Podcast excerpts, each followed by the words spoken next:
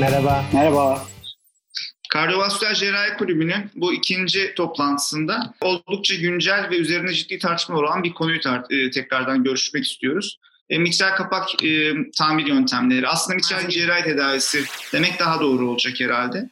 E, bu konuyla ilgili hali hazırda yıllardan beri gelen bir tartışma zaten var aslında. Hani tamir ve replasman tartışması aslında nihai haline ermiş durumda olsa da tamirle ilgili çok ciddi güncel gelişmeler olduğu için ve sonuçlarla ilgili çok ciddi değişiklikler olduğu için hala hazırda tartışmalar devam ediyor ve e, rehberler de buna göre e, yenileniyor. E, bugün özellikle ana konuşmacımız olarak Serkan Ertuğay hocamız ile konuşacak. Çünkü kendisi özellikle mitral kapak tamirleri özel ilgi alanı ve bu konuyla ilgili yurt dışında da çok ciddi eğitimler aldı.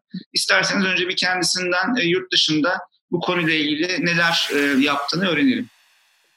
Merhaba, herkese selamlar. Ben Serkan Ertugay. Bu mitral kapak yetmezliği cerrahisi benim klinikte de hocaların beni e, indiklediği bir alandı. 2007 yılında ilk defa asistan olarak e, Cenevre'nin üniversite hastanesine gitmiştim Mustafa Çıkrıkçıoğlu'nun yanına.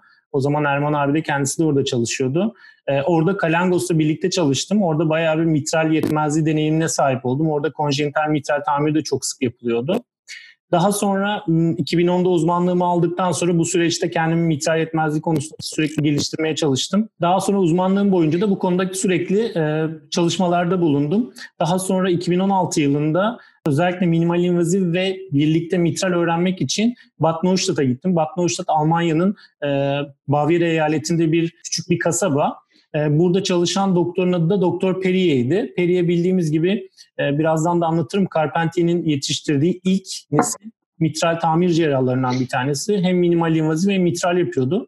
Burada yaklaşık 8 hafta kaldım. Kendisi bir hafta dolu bir hafta boş çalışıyordu ama yine de o bir hafta içinde e, günde iki tane mitral tamiri yapıyordu. Geri kalan haftalarda da diğer ekip günde iki veya üç tane mitral tamiri yapıyordu. Yani beynime kazınacak şekilde mitral tamir vakaları izlemiştim. Bu bana çok faydalı oldu. Daha sonra tabii okuyarak, kitaplarla, toplantılarla vesaire.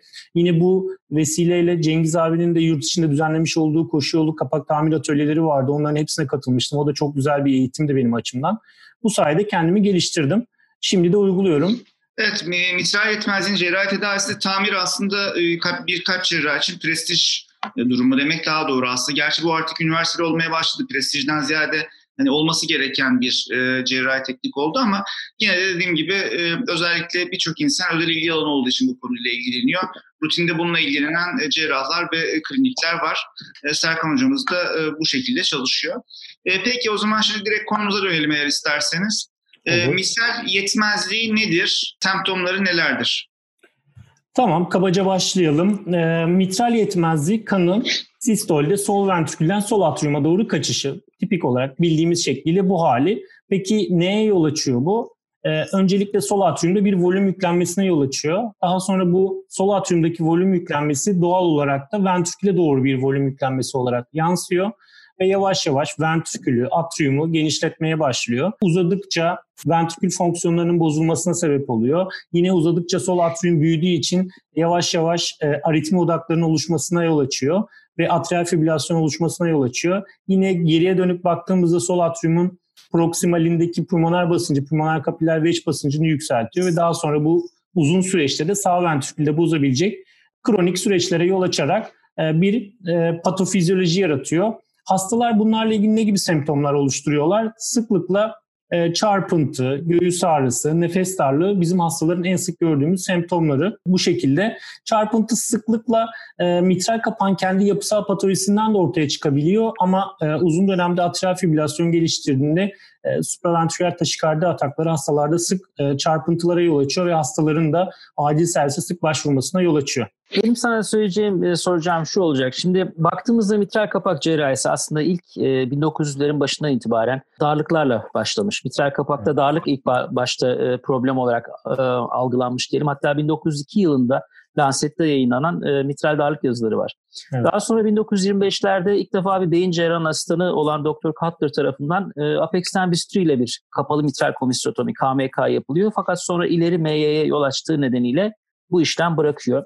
İlerleyen yıllarda Sir Henry e, Sautler e, devam ediyor bu işleme ve özellikle 2. Dünya Savaşı'nda mitral darlığı e, fazlasıyla olduğu dönemde, askerlerde saptandığı dönemde e, bunu cerrahisiyle ilerletiyor ve hatta 1970'li yıllarda 1600 vakalık bir seri yayınlanıyor. Fakat yetmezlik tarafına baktığımızda e, yetmezlik en başlarda mitral kapak replasmanı yapılan vakalar darlık artı yetmezlikle gitmekle beraber yetmezliğin izole olarak tanınması biraz daha geç dönemlerde. Yetmezliğin artık bir mitral kapak patolojisi ve bunun tamir edilebilir bir problem olarak görüldüğü dönemler daha son 30-40 senede önümüze çıkıyor. Sen etiyoloji olarak mitral yetmezliği bize kabaca sınıflayabilir misin? Yetmezlik hangi durumlarda oluyor? Primer sebepleri neler, sekonder sebepleri neler? Kabaca bunlardan bize bahsetmen mümkün mü?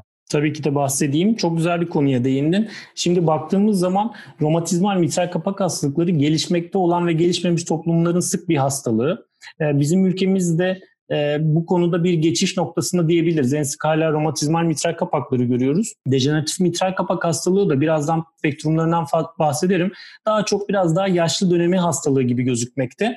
E, isterseniz size ekran paylaşıp bir e, bu etiyoloji ve sınıflama ile ilgili bir görsel paylaşmak istiyorum. Evet arkadaşlar bu bizim Carpentier sınıflamasına göre primer ve sekonder mitral yetmezliği sınıflamamız.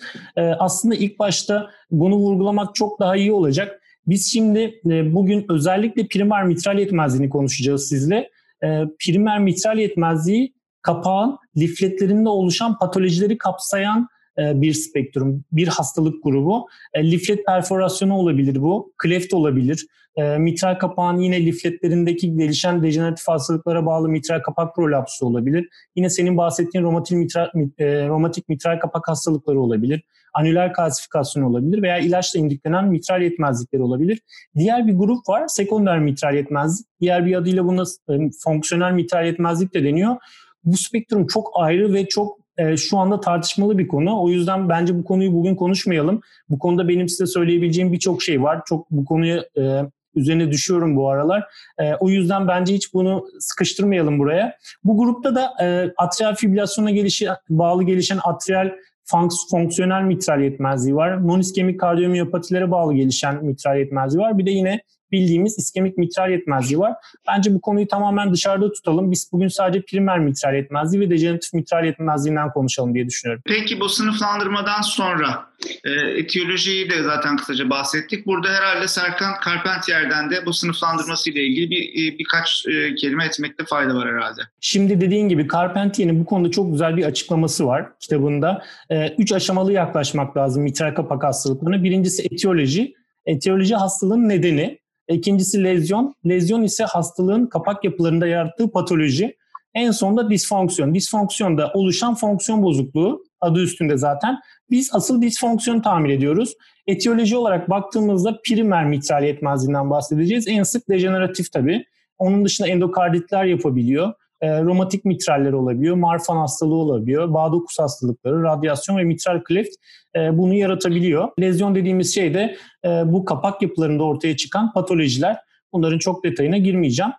E, bu arada size bahsetmek istediğim bir şey var. Carpentier biliyorsunuz mitral tamirin babası. 1983 yılında kendisi EACS'ın toplantısında e, onur konuşmacısı olarak ilk French Correction sunuyor. Yani e, inanılmaz. Orada betimlediği her şeyi şu anda çok güzel bir şekilde hala kullanıyoruz. Çok iyi cerrahlar yetiştirdi. Benim eğitim aldığım Periye'de kendilerinden bir tanesi. Ama bunun yanında çok büyük bir iyilik yaptı açıkçası. Çok güzel bir kitap yazdı.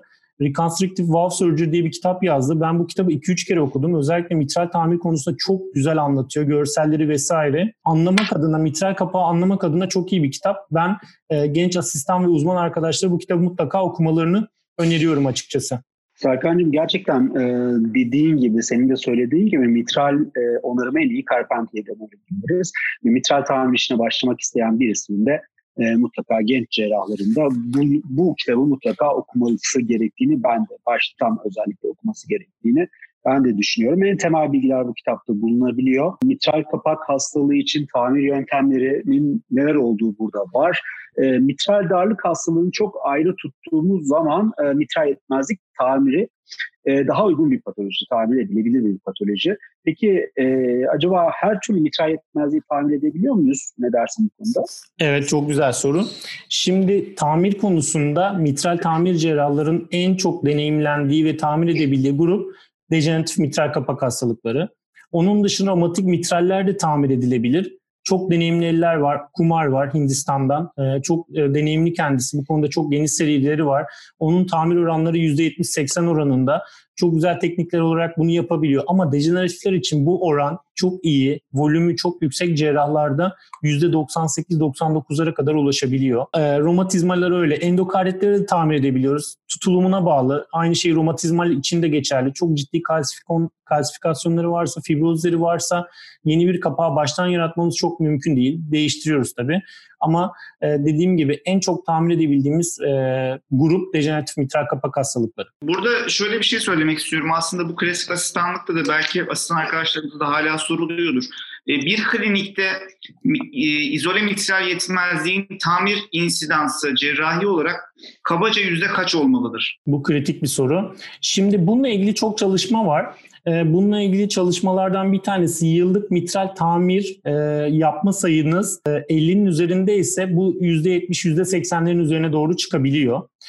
Tabii bu yıllık 250-300'lere vardığı zaman Perrier'in kendi serisinde %98-99'larda ee, her gün mitral tamir yaptığınızda, onu kafanıza kazandığınızda ve tecrübelendiğinizde bu oran direkt yükselebiliyor.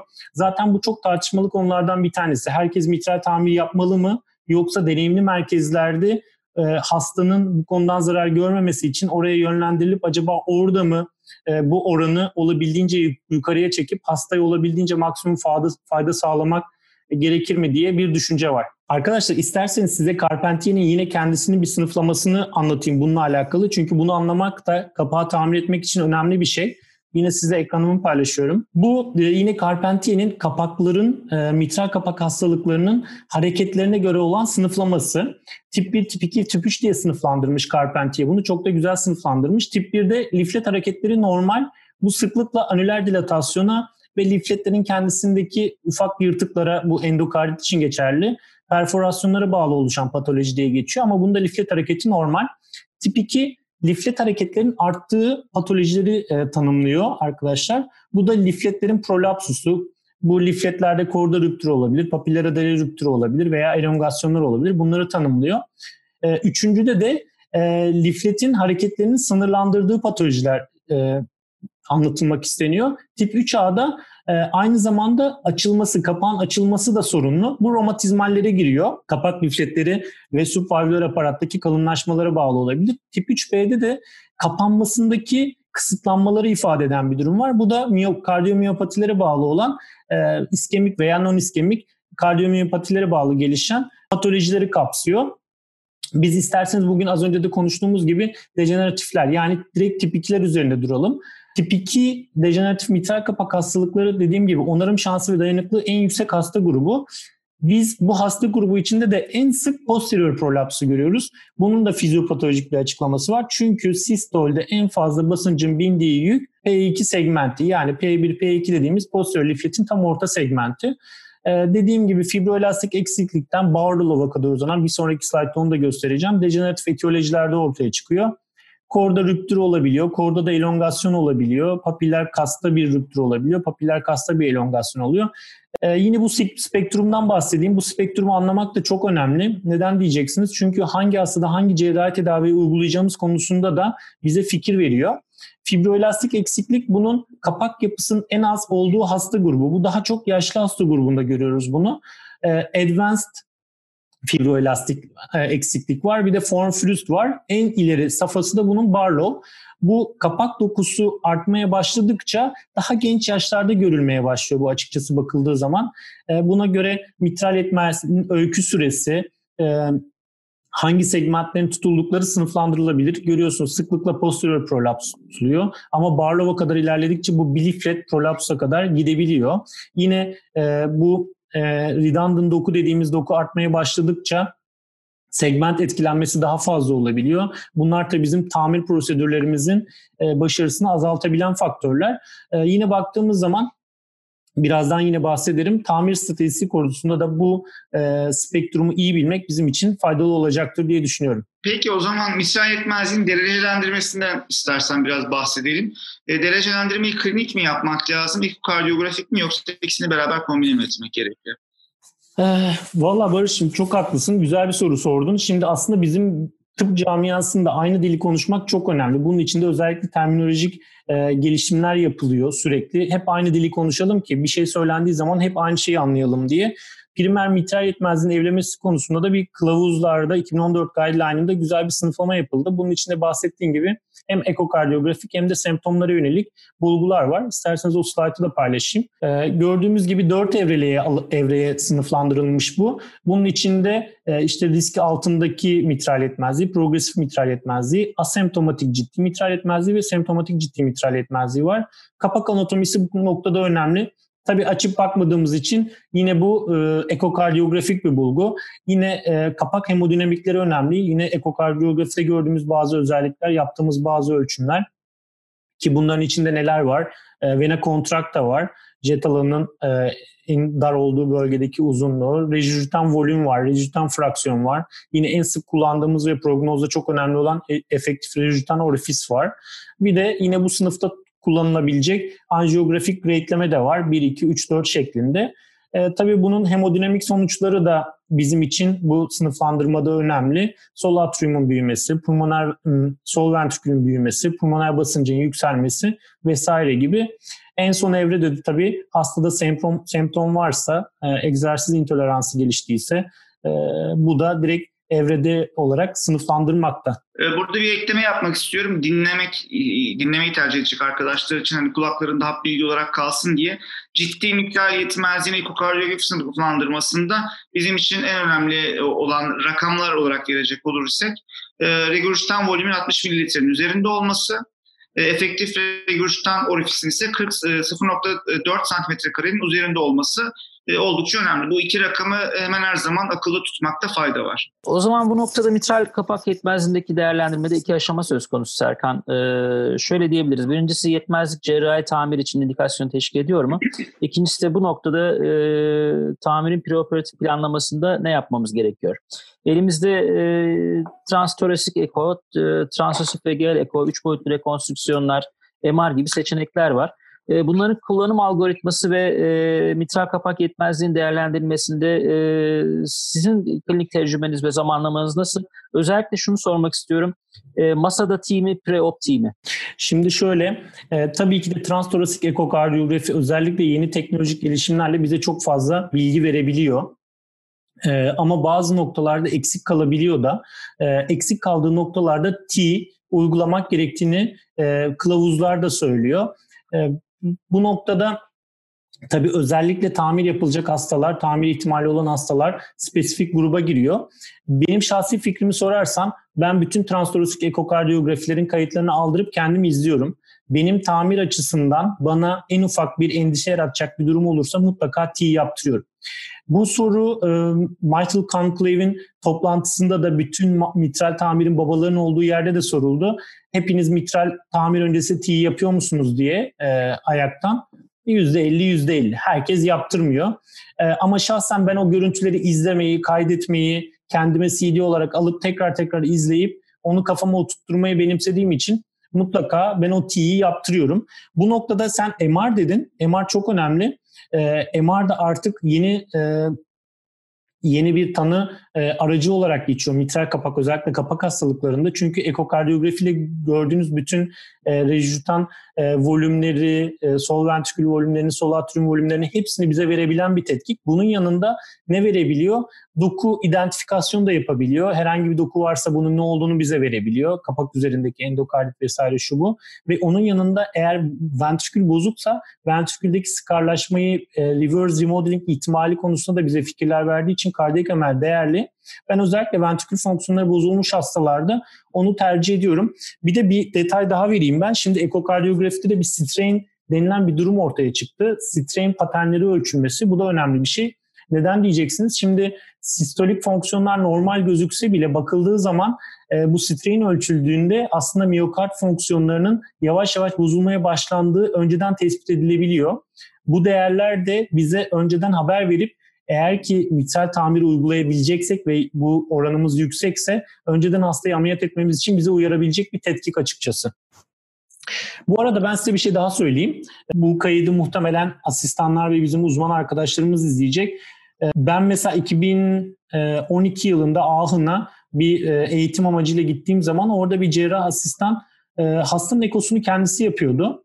E, ben de asistanlığımdan beri ekoya çok fazla ilgi görmüştüm ama orada onu gördükten sonra e, bunun da bir kalifikasyon olarak herkese edinilmesi gerektiğini düşünüyorum. Yine Bad Neustadt'ta ben e, ameliyatlara giremediğim observer olarak çalıştığım için sürekli anestezi tarafındaydım ve sürekli ekonun başındaydım. Bu bana aslında çok fayda sağladı. Eko yapmayı öğrendim. Bence bütün genç asistan ve uzmanların mutlaka e, eko niteliklerini, kalifikasyonlarını kendilerine kazandırmasında fayda var. İnanın çok fazla avantaj sağlıyor. Hele ki böyle spesifik aort kapak tamiri, mitral kapak tamiri veya daha detaylı bir şeyler yapacaksanız size çok büyük avantaj sağlıyor.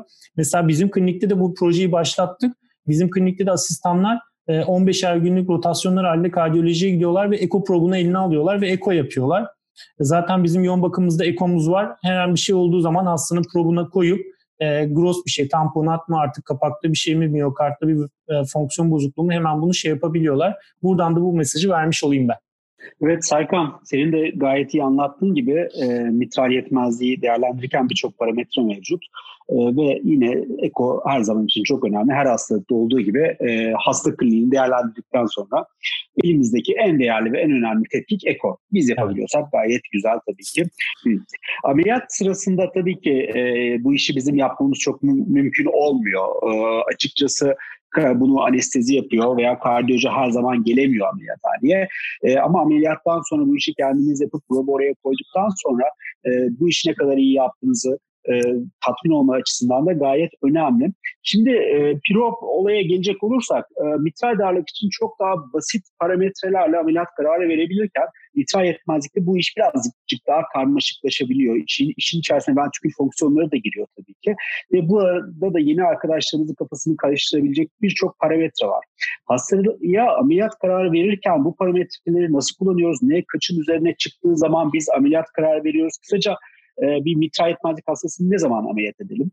Tamam olur. Şimdi isterseniz bunu da ben kapak kılavuzundaki görsel üzerinden anlatayım. Hem görsel olarak onu görsünler hem de bu konuya daha iyi hakim olurlar.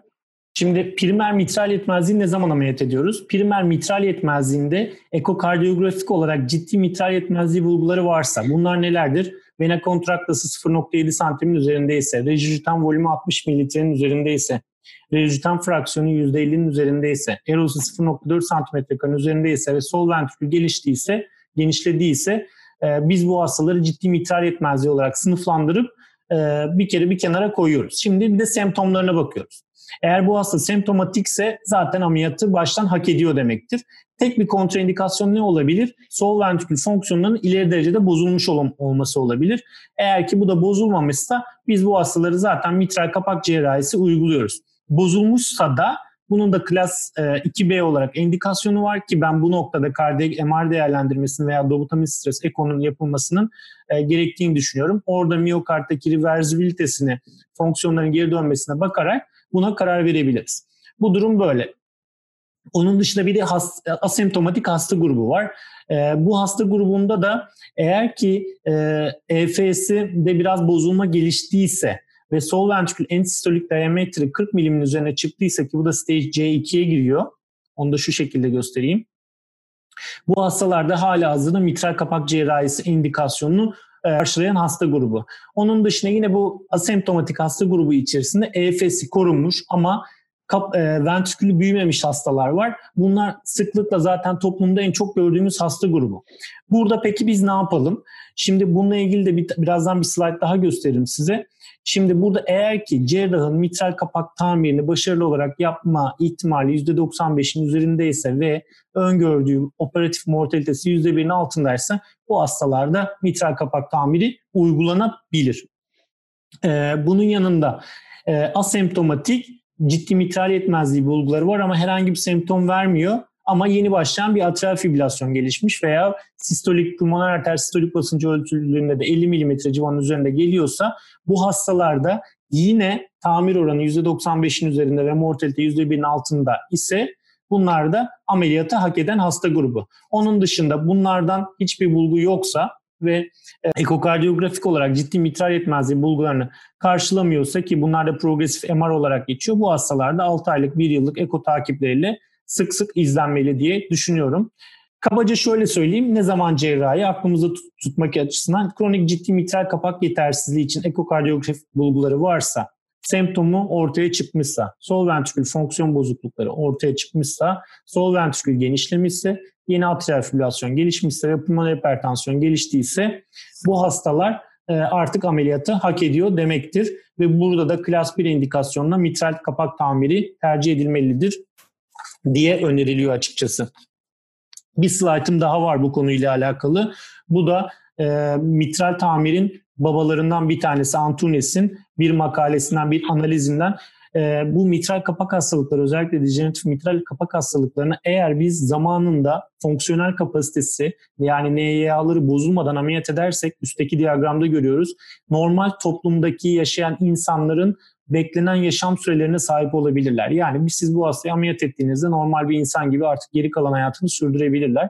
Ama siz bu hastanın fonksiyonel kapasitesi NYA 3-4'e geldiği zaman maalesef bu sü öngördüğümüz e, yaşama süresi maalesef kısıtlanmış oluyor. Bu da çok önemli bir mesaj diye düşünüyorum. O yüzden de zaten şu an hali hazırda günlük tartışmada e, günlük tartışmada bu mitral kapak ameliyatlarını daha erken ameliyat edelim mi diye bir konuşmalar mevcut.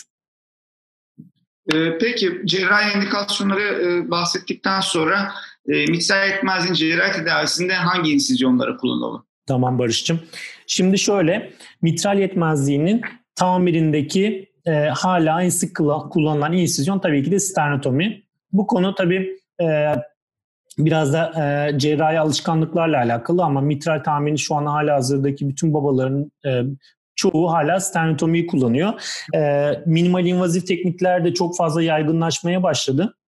E, o yüzden de e, onlar da çok şey yapılıyor. Bazı serilerde %60'lara kadar çıktı. Kullanılabiliyor. Stentomi ile bunu yapmak çok zor değil açıkçası. E, bazen exposure problemleri yaşayabiliyoruz ama bununla ilgili bazı cerrahi manipülasyonlarla bu işi çözebiliriz. E, mesela ne örnek verebilirim size? Sternumu kendimize doğru geniş bir şekilde açabiliriz. Vene kavaları askıya alıp sinerleyip karşı tarafa doğru asabiliriz. Ee, çok fazla 2-3 boyutlu ekartörler kullanabiliriz. E, ayrıca bazı cerrahi manipülasyonlar var. E, bir magic stitch dediğimiz bir sütür var. P3'ün arkasından bir sütürü vena cava inferior'un altına bağlamak gibi. Bu tarz manipülasyonlarla çok kapak güzel exposure sağlanıp tamir yapılabilir. E, minimal invazivlerin çok büyük avantajları var açıkçası.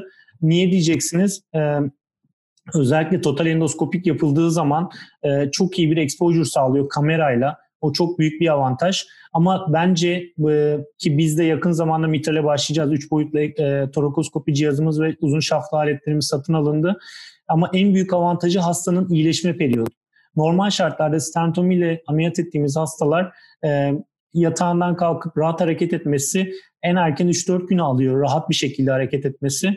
E, ve biz bu hastaların minimum 6 hafta sırt üstü yatmaya ve buna dikkat etmeye zorluyoruz. Ama torakotomi yapılan özellikle küçük insizyonlarla torakotomi yapılan hastalarda bu süreç o kadar kısa ki yani hasta açısından en büyük fayda o.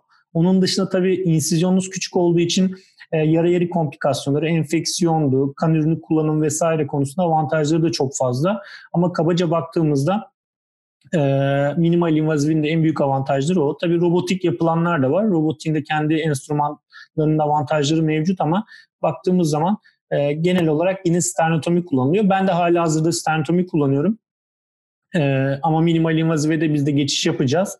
E, uygun hasta grubunda da uygulanabilir noktaya gelecek. Ee, Serkan mitral yetmezliğin cerrahi onarımı ile ilgili e, ilk defa anüloplasti ve e, anülüsü daraltma işlemleri yine 1950'lerde başlıyor. Ringlerle, e, özür dilerim, sütürlerle e, anüsü küçültmek. Daha sonra 68'li yıllarda Carpentier tarafından ringler e, öneriliyor. Daha da ilerleyen yıllarda şimdi senden bahsetmeni isteyeceğim bazı akımlar özellikle posterior prolapsuslarda akımlar, e, RISEC, RESPECT gibi kavramlar söz konusu oluyor. Sen bu onarım akımlarıyla ilgili düşüncelerini açıklayıp bize tarif eder misin? E, ederim. Tabii şimdi e, 8 haftanın 4 haftası periyle sürekli kalınca bir de çok konuştuğum için ameliyatta sürekli kendisine sorular soruyordum. Ve en çok sevdiğim öykülerden bir tanesi de buydu. E, bu posterior prolapsusun tamiriyle alakalı. Yine sizle bununla ilgili bir slide paylaşacağım. Genç asistanlar kendilerine gözlerini, yüzlerini görmesi için. Şimdi az önce de bahsettik. Carpentier tabii bu e, mitral tamirin babası. Carpentier posterior prolapsus tamirinde Rezect akımını ortaya koyan cerrah. Yani diyor ki e, bu prolebo olan kötüleşmiş dokuyu buradan çıkartın, atın ve orayı güzelce e, bir dikin, kapatın ve üzerine de bir ring yerleştirin ve tamiri tamamlayın diye. E, savunması da şu, siz orada hastalıklı dokuyu bıraktığınız zaman bunun tekrarlama ihtimali yüksek diye. Daha sonra benim de yanında eğitim aldığım Peri'ye Respect Rather Than Resect diye bir akım ortaya çıkartıyor. Ee, onun da e, söylemi şu, diyor ki yani respect ederek de biz bu hastaları yani kapakları koruyarak e, ve buna bir korda tamiri uygulayarak, neokorda yerleştirerek bunları tamir edebiliriz diyor. 2005'te ilk akımını yapıyor e, yayınla, yayınlıyor. 2008'de de bunların sonuçlarını güzelce veriyor. Onun da tezi bu şekilde. Ama hala hazırda baktığımız zaman Perier'in de rezeksiyon yaptığı olgular var. Kesinlikle hepsine respect yapalım demiyor. Bu da akıldan çıkmasın. Ee, bazılarına rezek de yapıyor.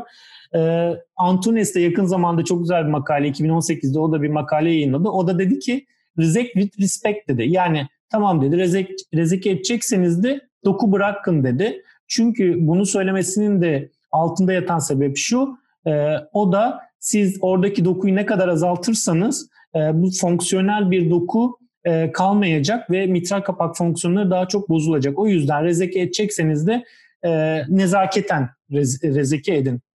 E, bununla ilgili bir akım daha var. O da yine e, Carpentier'in e, yetiştirdiği adamlardan Gilles Dreyfus. Eskiden Monaco'da çalışıyordu. Şimdi Paris'te çalışıyor. O da makalesinde şöyle bir şey söyledi. Respect when you can, reject when you should. Bu da aslında güzel bir mesaj. Çünkü diyor ki yani siz eğer korda yerleştirmesini iyi bilmiyorsanız e, bunu yapmaya çok çalışmayın. Reject edin. Bu da yine aslında baktığımız zaman Peri'nin vermek istediği mesajın aynısını içeriyor. Ee, yine yakın zamanda Belhan Hoca da bizim dergimizde bir tane makaleye editorial comment göndermişti. O da dedi ki respect or reject But please repair. Bence bu da çok güzel bir mesaj. Çünkü yani ne yaparsanız yapın e, öncelikle tamiri hedefleyin diyor. Gerçekten de bakıldığı zaman şu anda bizim için en önemli şey tamir etmek. Çünkü respect ile reject arasında çok gross bir istatistik farklı istatistiki farklılık yok açıkçası. E, o yüzden iki yöntemi de uygularsak da e, başarılı olabiliyoruz. Şimdi isterseniz birazcık da mitral tamirin teknik özelliklerinden bahsedeyim. Bunlar için de birkaç tane e, slide hazırladım size. Öncelikle bir cerrah olarak bizim mitral tamirde teknik olarak amacımız ne? Bir, normal liflet hareketini korumak ve oluşturmak. E, geniş bir koaptasyon yüzeyi sağlamak ki en önemli şeylerden birisi bu. Birazdan da bahsedeceğim. Çünkü e, iki lifletin birbirine yapışma mesafesi ne kadar uzunsa sistolik basıncı o kadar emme kuvveti artıyor. Bu e, küçülmeye başladıkça bu güç azalacak ve dejenerasyon riski artacaktır. 3. Koaptasyon noktasını inflow'da tutmak. Bunun bir amacı SAM'ı önlemek, ikinci amacı da bildiğimiz gibi anterior kapağın bir diğer fonksiyonu sol ventrikülden e, giden kanın aortaya yönlendirilmesini sağlamak. E, diğer amacı da bu. Üçüncü, dördüncüsü de e, e, bozulmaya başlamış anülüsü e, düzeltmek veya bozulmamış stabili şimdiden stabilize etmek, ileride gelişebilecek problemleri ortadan kaldırmak. Şimdi hızlıca spesifik patolojilere göre hangi cerrahi teknikleri uygulamadığımızı söyleyeyim. Bu slaytlarımı da TKDC'de okulunda sunduğum mitral kapak tamir teknikleriyle alakalı slaytlarımdan e, aldım. Anterior prolapsus için sıklıkla e, rezeksiyon vesaire kullanmıyoruz ama çok küçük small böyle jet e, yaratan prolapsuslarda küçük rezeksiyonlar uygulanabilir diye Carpentier'in kitabında geçiyor. Onun dışında sekonder korduyu çıkartıp lifletin free edge'ine fikse edebiliriz. Ee, yine bakıp onu transpoze edebiliriz. Bu şekilde fiksasyonlarla veya transpozisyonlarla anterior prolapsu tamir edebiliriz. Ama hala hazırda günümüzde en sık kullanılan teknik anterior liflet prolapsu için yapay korda implantasyonu. Bunun boyunu ölçüsünü alarak yapabiliriz. Dayanıklığı yüksek bir teknik e, bu açıkçası ve geniş koaptasyon mesafesi sağladığı için de başarılı bir teknik. E, posterior prolapsus içinde e, tutulan segmentin genişliğine göre uygulayabildiğimiz teknikler var. Triangüler rezeksiyon, kuadrangüler rezeksiyon ve kompozit teknikler. Yine sliding leaflet tekniği gibi onlardan da hızlıca bahsedeyim. Günümüzde de triangüler rezeksiyon en sık kullanılan rezeksiyon tekniklerinden bir tanesi. Teknik olarak uygulaması kolay bir e, prosedür. E, yine normal dokuların korunmasını sağlıyor ve e, kuadrangüler rezeksiyon birazdan bahsedeceğim gibi anülüse yaklaşmadığımız için anüler geometrinde bozulmasını engelliyor. E, kuadrangüler rezeksiyon daha geniş e, segmentli tutulumlar olduğu zaman daha kare şeklinde çıkarılımlar için geçerli. Bunda ne yapıyoruz? Kare şekilde orayı kestikten sonra anüler e, plikasyon ve e, primer tamirle bu kısmı kapatıyoruz. Tekniğin avantajı da şu, dokuyu fazla rezek ettiğiniz zaman posterior lifletin yüksekliğini de azalttığınız için sam riski düşük. Ancak P2'de çok fazla doku kaybı yarattığı için yine e, mitral kapağın uzun dönem fonksiyonları açısından sıkıntı yaratabilir gibi bir teorik endişe var.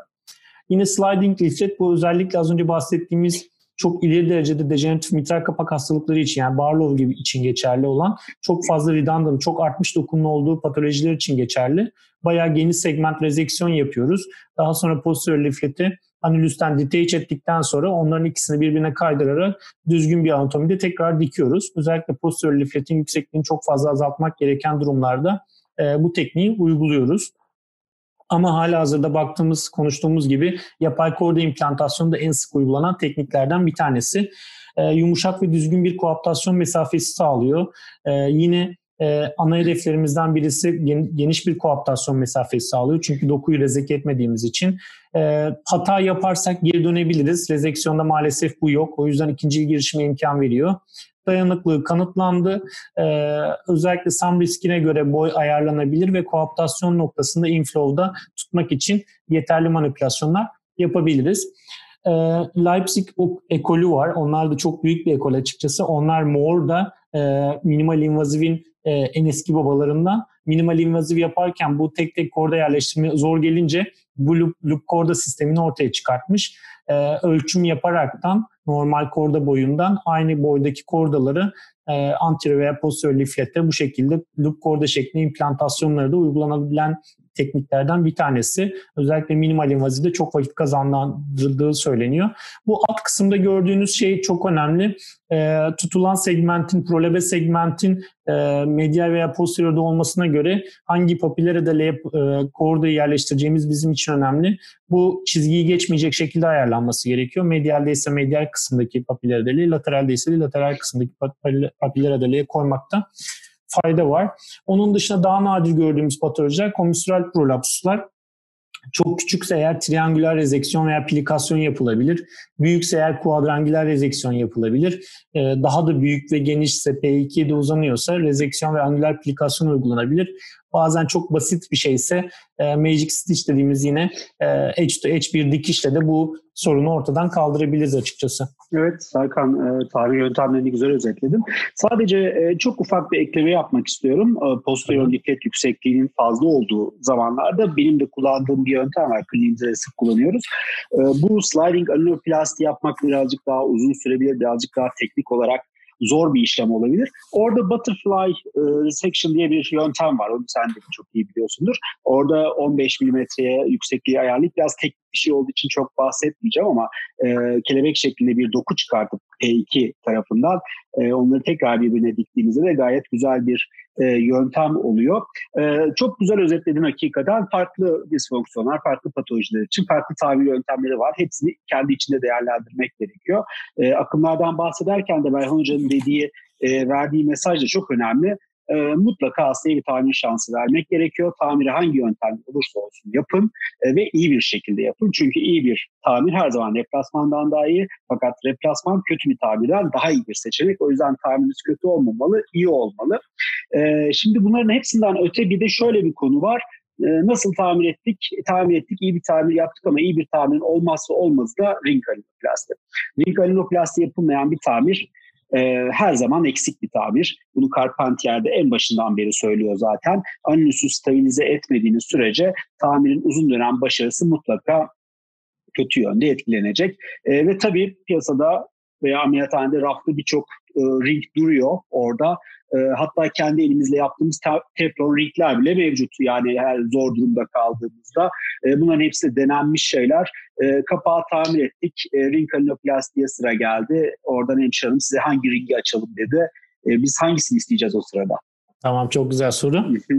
Şimdi bu konuda hala tartışma konusu.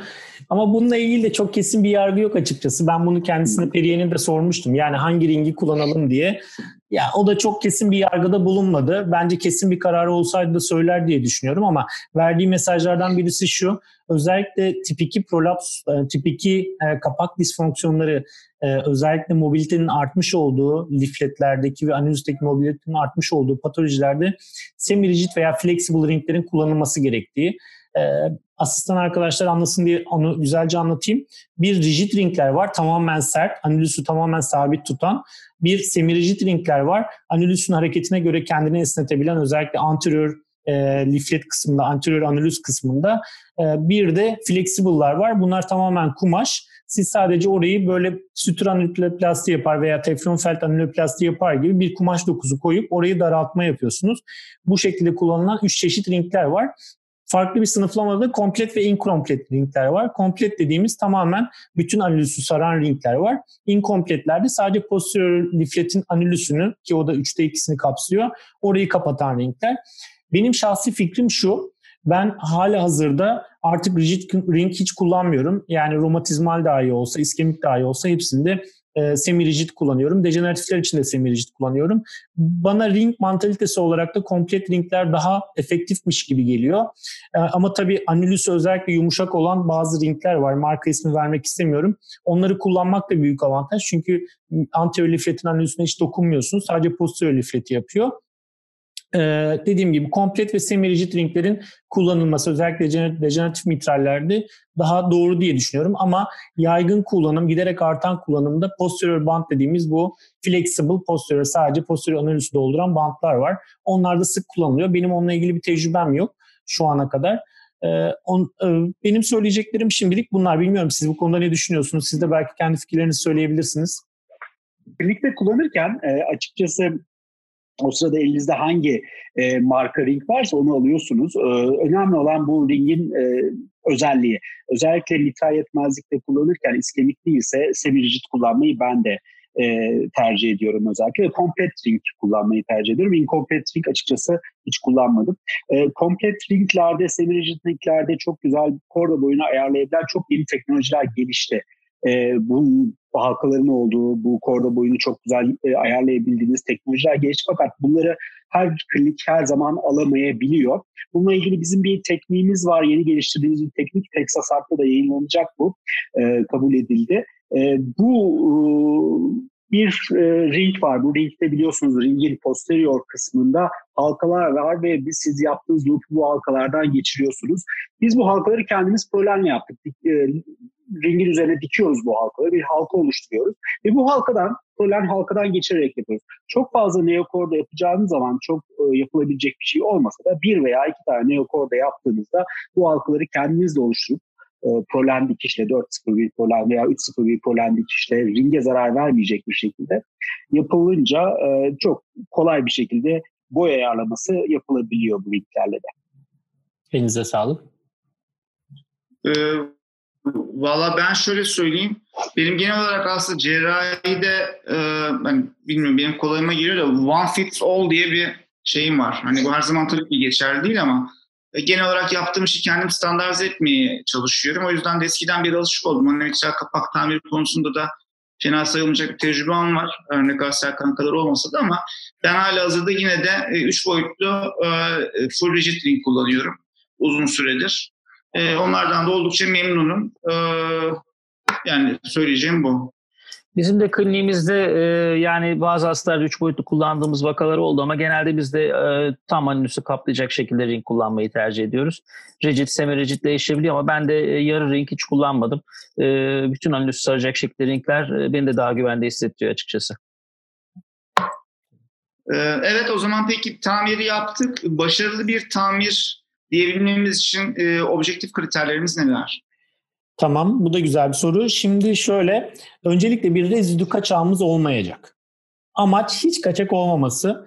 E, eser ve birinci derece kabul edilebilir kaçaklar ama birinci dereceden yukarıya doğru çıkabilecek e, büyük jetler hastanın reoperabilite süresini çok kısaltacaktır.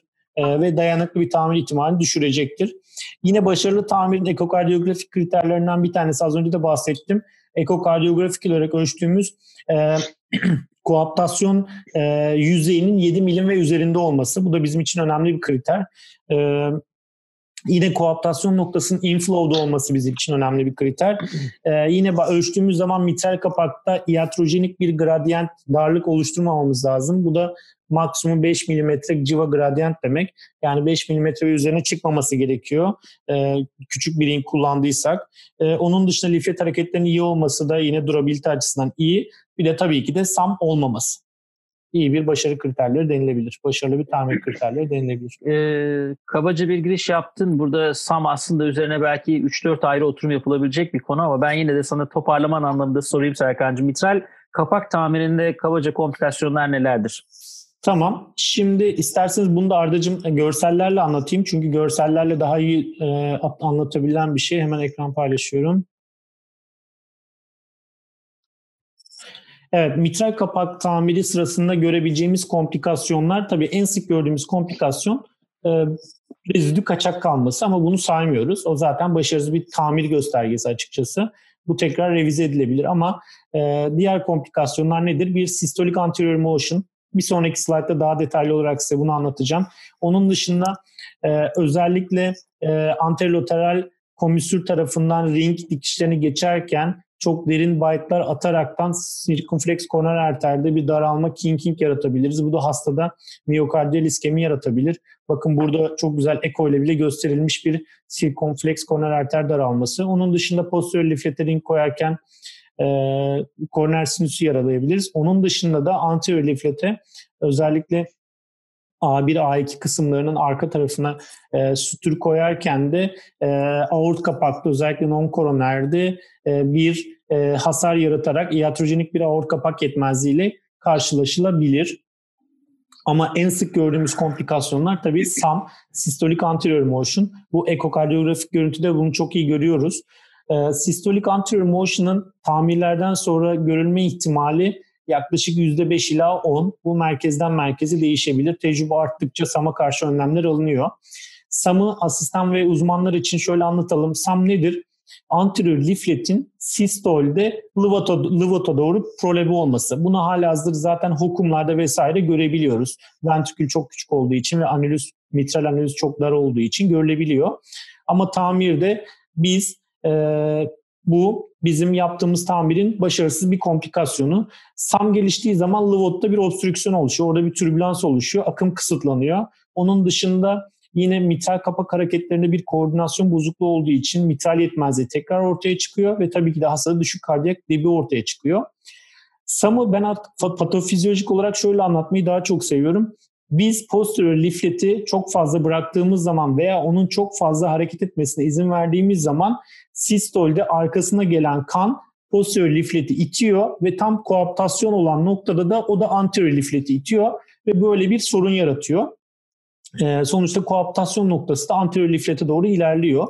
Özellikle mitral tamir cerrahları olarak işte cerrahların eko bilme bilmesi gereken nokta burada ortaya çıkıyor. SAM'la ilgili işaretleri önceden ekoda görmemiz bizim için çok önemli. Bunlar neler olabilir? Bir geometrik faktörler var. iki yapısal faktörler, var. Bir de üç dinamik faktörler var. Dinamik faktörler zaten direkt belli. Hiperdinamik bir sol ventrikül yani küçük, e, büzüşük, taşikardik ve boş bir ventrikül. Bu SAM için direkt yatkınlık yaratıyor.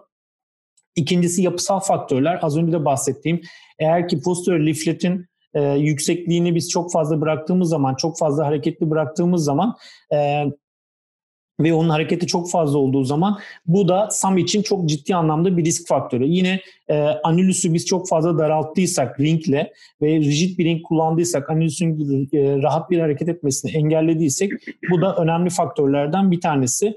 Yine bazı noktalar var ekokardiyografik olarak geometrik e, faktörler. Bu aortikomitral açı, bu ne kadar çok daralırsa SAM riski o kadar artıyor. E, septumun ekokardiyografik olarak sigmoid olması yani ileriye dölü böyle balc etmesi e, sonuçta bu e, özellikle koaptasyon noktasının septuma olan mesafesi de e, bizim SAM risk faktörlerinden bir tanesi. Septum bulge ettiği zaman o mesafe kısaldığı için SAM riski e, ortaya çıkıyor. O da önemli bir faktör. Biz tabii bütün bu e, prediktör faktörleri ortaya koyup ona göre biz de cerrahi stratejimizi, e, tamir stratejimizi ona göre belirleyerek ameliyatı yapmamız gerekiyor diye düşünüyorum. SAM tedavi edilmesinden ziyade önlenmesi gereken bir durum diye düşünüyorum. Ben açıkçası bu konuya çok takmış birisiyim. Yine Marshall Conclave'de David Adams ve ekibinin bu konuda çok güzel bir sunumu var. İnternette bunu bulup izleyebilirsiniz. Çok güzel anlatıyor. Ee, SAM'ın nasıl e, manage edilmesi konusunda e, daha çok önlenmesi tarafındayım. O yüzden çok şükür şu ana kadar pek görmedim. Tabii bunun sebeplerinden birisi de bu konuda çok obsesif olmam ve daha sıklıkla rezeksiyon uygulamam olduğu söylenebilir. Evet, e, Serkan SAM'la ilgili çok ufak bir ekleme yapacağım. SAM'ı değerlendirirken önemli şeylerden biri de ameliyat yaptıktan, tamir yaptıktan sonra e, cross aldınız, kalp çalışıyor, SAM var mı yok mu da değerlendireceksiniz kapakla kaçakla beraber. E, mutlaka e, taşikardi olmayacak hastada, inotrop almayacak ve hastanın vertikülü dolu olacak. Bunlar çok önemli noktalar. E, bu, bu şekilde SAM'ı değerlendirmek lazım. Bunları e, sağladıktan sonra SAM yoksa SAM yok diyebiliriz. Ee, peki şimdi hastamızın kaçağı yok, herhangi bir sıkıntı yok. Kısa zamanda da taburcu ettik. Birçok cerrahın e, korkusu 3-5 yıl sonra kardiyoloğumuz bir eko yaptı. Bu hastada mitral yetmezlik var dedi. E, ve bence de bir sebep de cerrahlarımızın tamirden kaçma sebebi de bu belki de. E, fakat tamir yaparak hastaya sunabileceğimiz şeyler çok çok daha fazla. E, bu hastanın, bu ameliyatın hastaya en büyük faydası nedir? Ve bu ameliyattan sonra mitral yetmezlik olur mu? Ne zaman olur? Tekrarlar mı? Reparasyon gerektirir mi? Tamam, güzel soru. Bir kere siz hastaya mitral replasman yerine mitral tamir yaptığınız zaman otomatikman mortalitesini %4'lerden %1'lere düşürüyorsunuz. Bu çok önemli bir faktör. Cerrahi olarak riskiniz düşmüş oluyor. İkincisi bu hastalar e, e, sıklıkla sinüs ritminde oldukları için ameliyat sonrasında en fazla 3-6 ay antikoagülan kullanmak zorunda kalıyorlar. Ki bildiğiniz üzere kumadin bizim açımızdan zor bir ilaç. Çok sık kullanıp çok sevmemize rağmen olabildiğince kullanmak istemediğimiz bir ilaç. Terapötik dar alanından dolayı.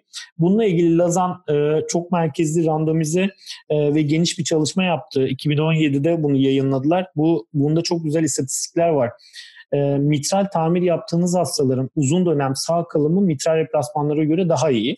Zaten bunu tahmin ediyorduk.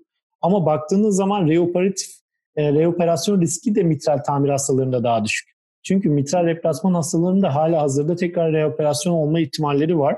Tabii bunların en büyük, en önemli şeyi iyi bir tamir.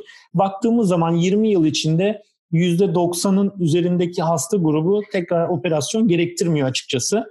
Ee, bu e, spesifik alt gruplarda tartışılabilir. Posterior prolaps için bu rakam böyle. Anterior için birazcık daha düşük. Bilifletler için birazcık daha düşük. %80-%70'lere geliyor. Yani 20 yıl içinde biliflet prolapsunuz varsa %20-30 tekrar girişim olabilirsiniz. E, posterior için bu %10'un daha altında. E, bunu söyleyebilirim. Ee, onun dışında baktığınız zaman mitral tamir yaşlı hastalar ya bu hasta uğraşmasın, bir daha sıkıntı olmasın dediğinde birçok çalışma var ki yaşlı grupta da mitral tamir replasmana göre daha iyi bir seçenek gibi gözüküyor. E, dediğim gibi olabildiğince biz cerrahlar bu sorumluluğu elimize alıp iyi bir tamir yapıp e, maksimum faydayı hastaya sağlamamız lazım diye düşünüyorum. Bu noktada ben de bir ekleme yapmak istiyorum. Şimdi e, bahsettiğin şey çok önemli. Yani hasta açısından da hekim açısından da bu bilince kavuşmak çok önemli. Belki bizim dönemimizin mitral tamire bir miktar e, geç hani adapte olmasının diyelim kabaca. Asistanlığımızda az yapılan şeylerdi bunlar çünkü. E, mitral kapak replasmanı yapılıp iyi olduğunu gördüğümüz hastaların gözümüzün önünde olmasıydı. Fakat günümüzde birincisi, ikinci tamir, üçüncü tamir yayınları var. İkincisi de mitral kapak replasmanı dediğiniz artık özellikle 65 yaş üstünde bu sefer biyolojik kapaklar devreye girmeye başladı ki onlar da mekanik kapaklara göre rejenerasyon ve ameliyat reoperasyon riski oldukça yüksek olan e, kapaklar. Onun için e, tamir mi, biyolojik kapak mı, replasman mı her zaman için e, en başa geliyoruz. E, tamir her zaman hastanın kendi dokusuyla yapılan bir işlem. Replasman dediğiniz anda artık andusu yok hastanın kapağı çıkmış oluyor. Siz boş bir önümüzle karşı karşıya kalıyorsunuz. Onun için ilk dediğine çok katılıyorum. Hekim olarak e, bunu hastayı bilinçlendirecek şekilde konuşmak, e, önemli olan kendi dokusuyla kumadinsiz gidebildiği kadar gitmek e, ve bunun hastaya sağlayacağı faydayı anlatmak e, çok önemli bir görev diye düşünüyorum açıkçası Serkan. Bir konu daha bir ekleme yapayım. Şimdi eskiden redo cerrahiden çok korkardık. Ama e, artık korkmuyoruz. Niye? Çünkü yani e, çok sık redo cerrahi de yapıyoruz. Bizim klinikte de çok fazla yapılıyor. Biz de bu konuda çok deneyimlendik. Hepinizde vardır eminim. Yani artık redo mitral cerrahi yapmaktan da çok endişe etmememiz lazım. Hastaya da redo mitral cerrahinin çok ciddi bir ameliyat olduğunu da hastaya söylemememiz lazım. Anlatabiliyor muyum? Yani hasta şimdi ikinci kez ameliyat olacaksın ve çok riskli bir ameliyat olacaksın dediğimiz zaman otomatik olarak bu işten vazgeçebiliyor. Yani biz daha çok ikinci ameliyatın riskinden bahsetmektense mitral tamirin avantajlarını hastaya vurgulamamız lazım diye düşünüyorum. Çünkü çok ilginç bir toplumuz biz. Yani ben mesela bu mitral tamiri uygulamaya başladığımda hastalara ya size mitral tamir yapacağız. Böyle böyle avantajları var ama ikinci kez ameliyat olabilirsiniz dediğimizde çok çok reddeden hasta olmuştu açıkçası. Yani bu, bu bilinci hastaları bizim bu şekilde aktarmamız lazım. Zaten hala hazırda bizim ülkemizde birçok hasta hocam en iyisini siz bilirsiniz diyorlar ama biz yine de her şeyi anlatıyoruz. Dediğin gibi yani artık redomitral cerrahiden korkmamalıyız. Redomitral onarımlar yapılabilir.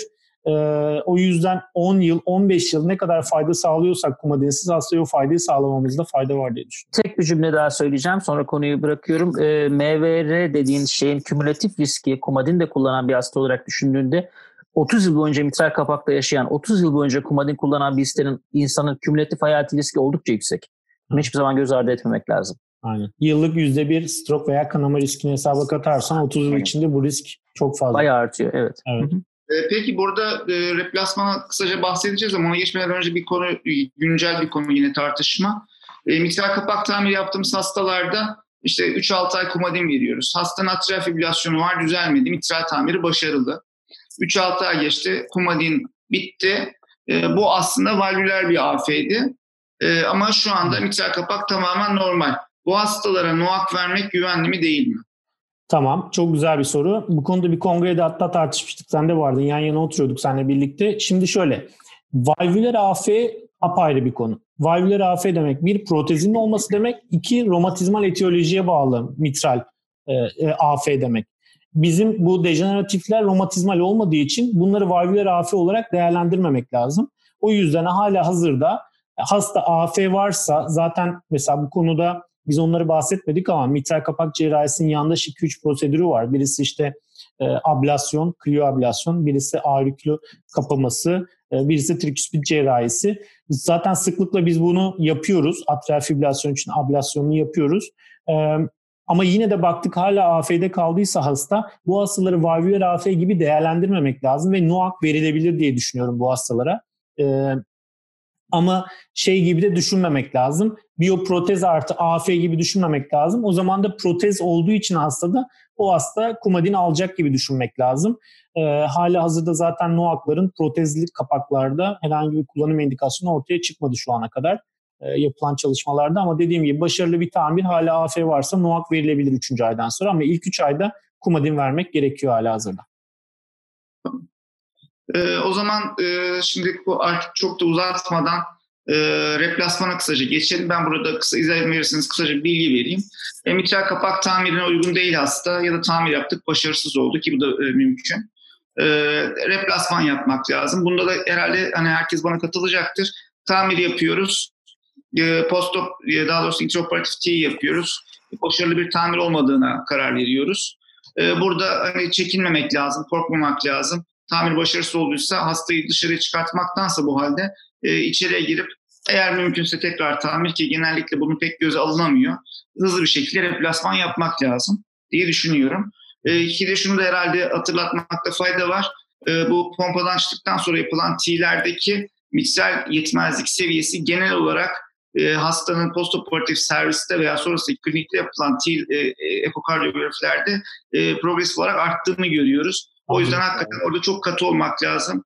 E, senin dediğin gibi eser 1M'ye kabul ama 2M'yi genel olarak kabul etmemekte fayda var. E, o zaman bu toplantıya e, bu tartışmaya son verirken e, en son olarak mitral kapak tamirlerinde e, redu, redu tamirlerden e, zaman içerisinde kaçınmamak gerektiğini tekrardan hatırlatalım.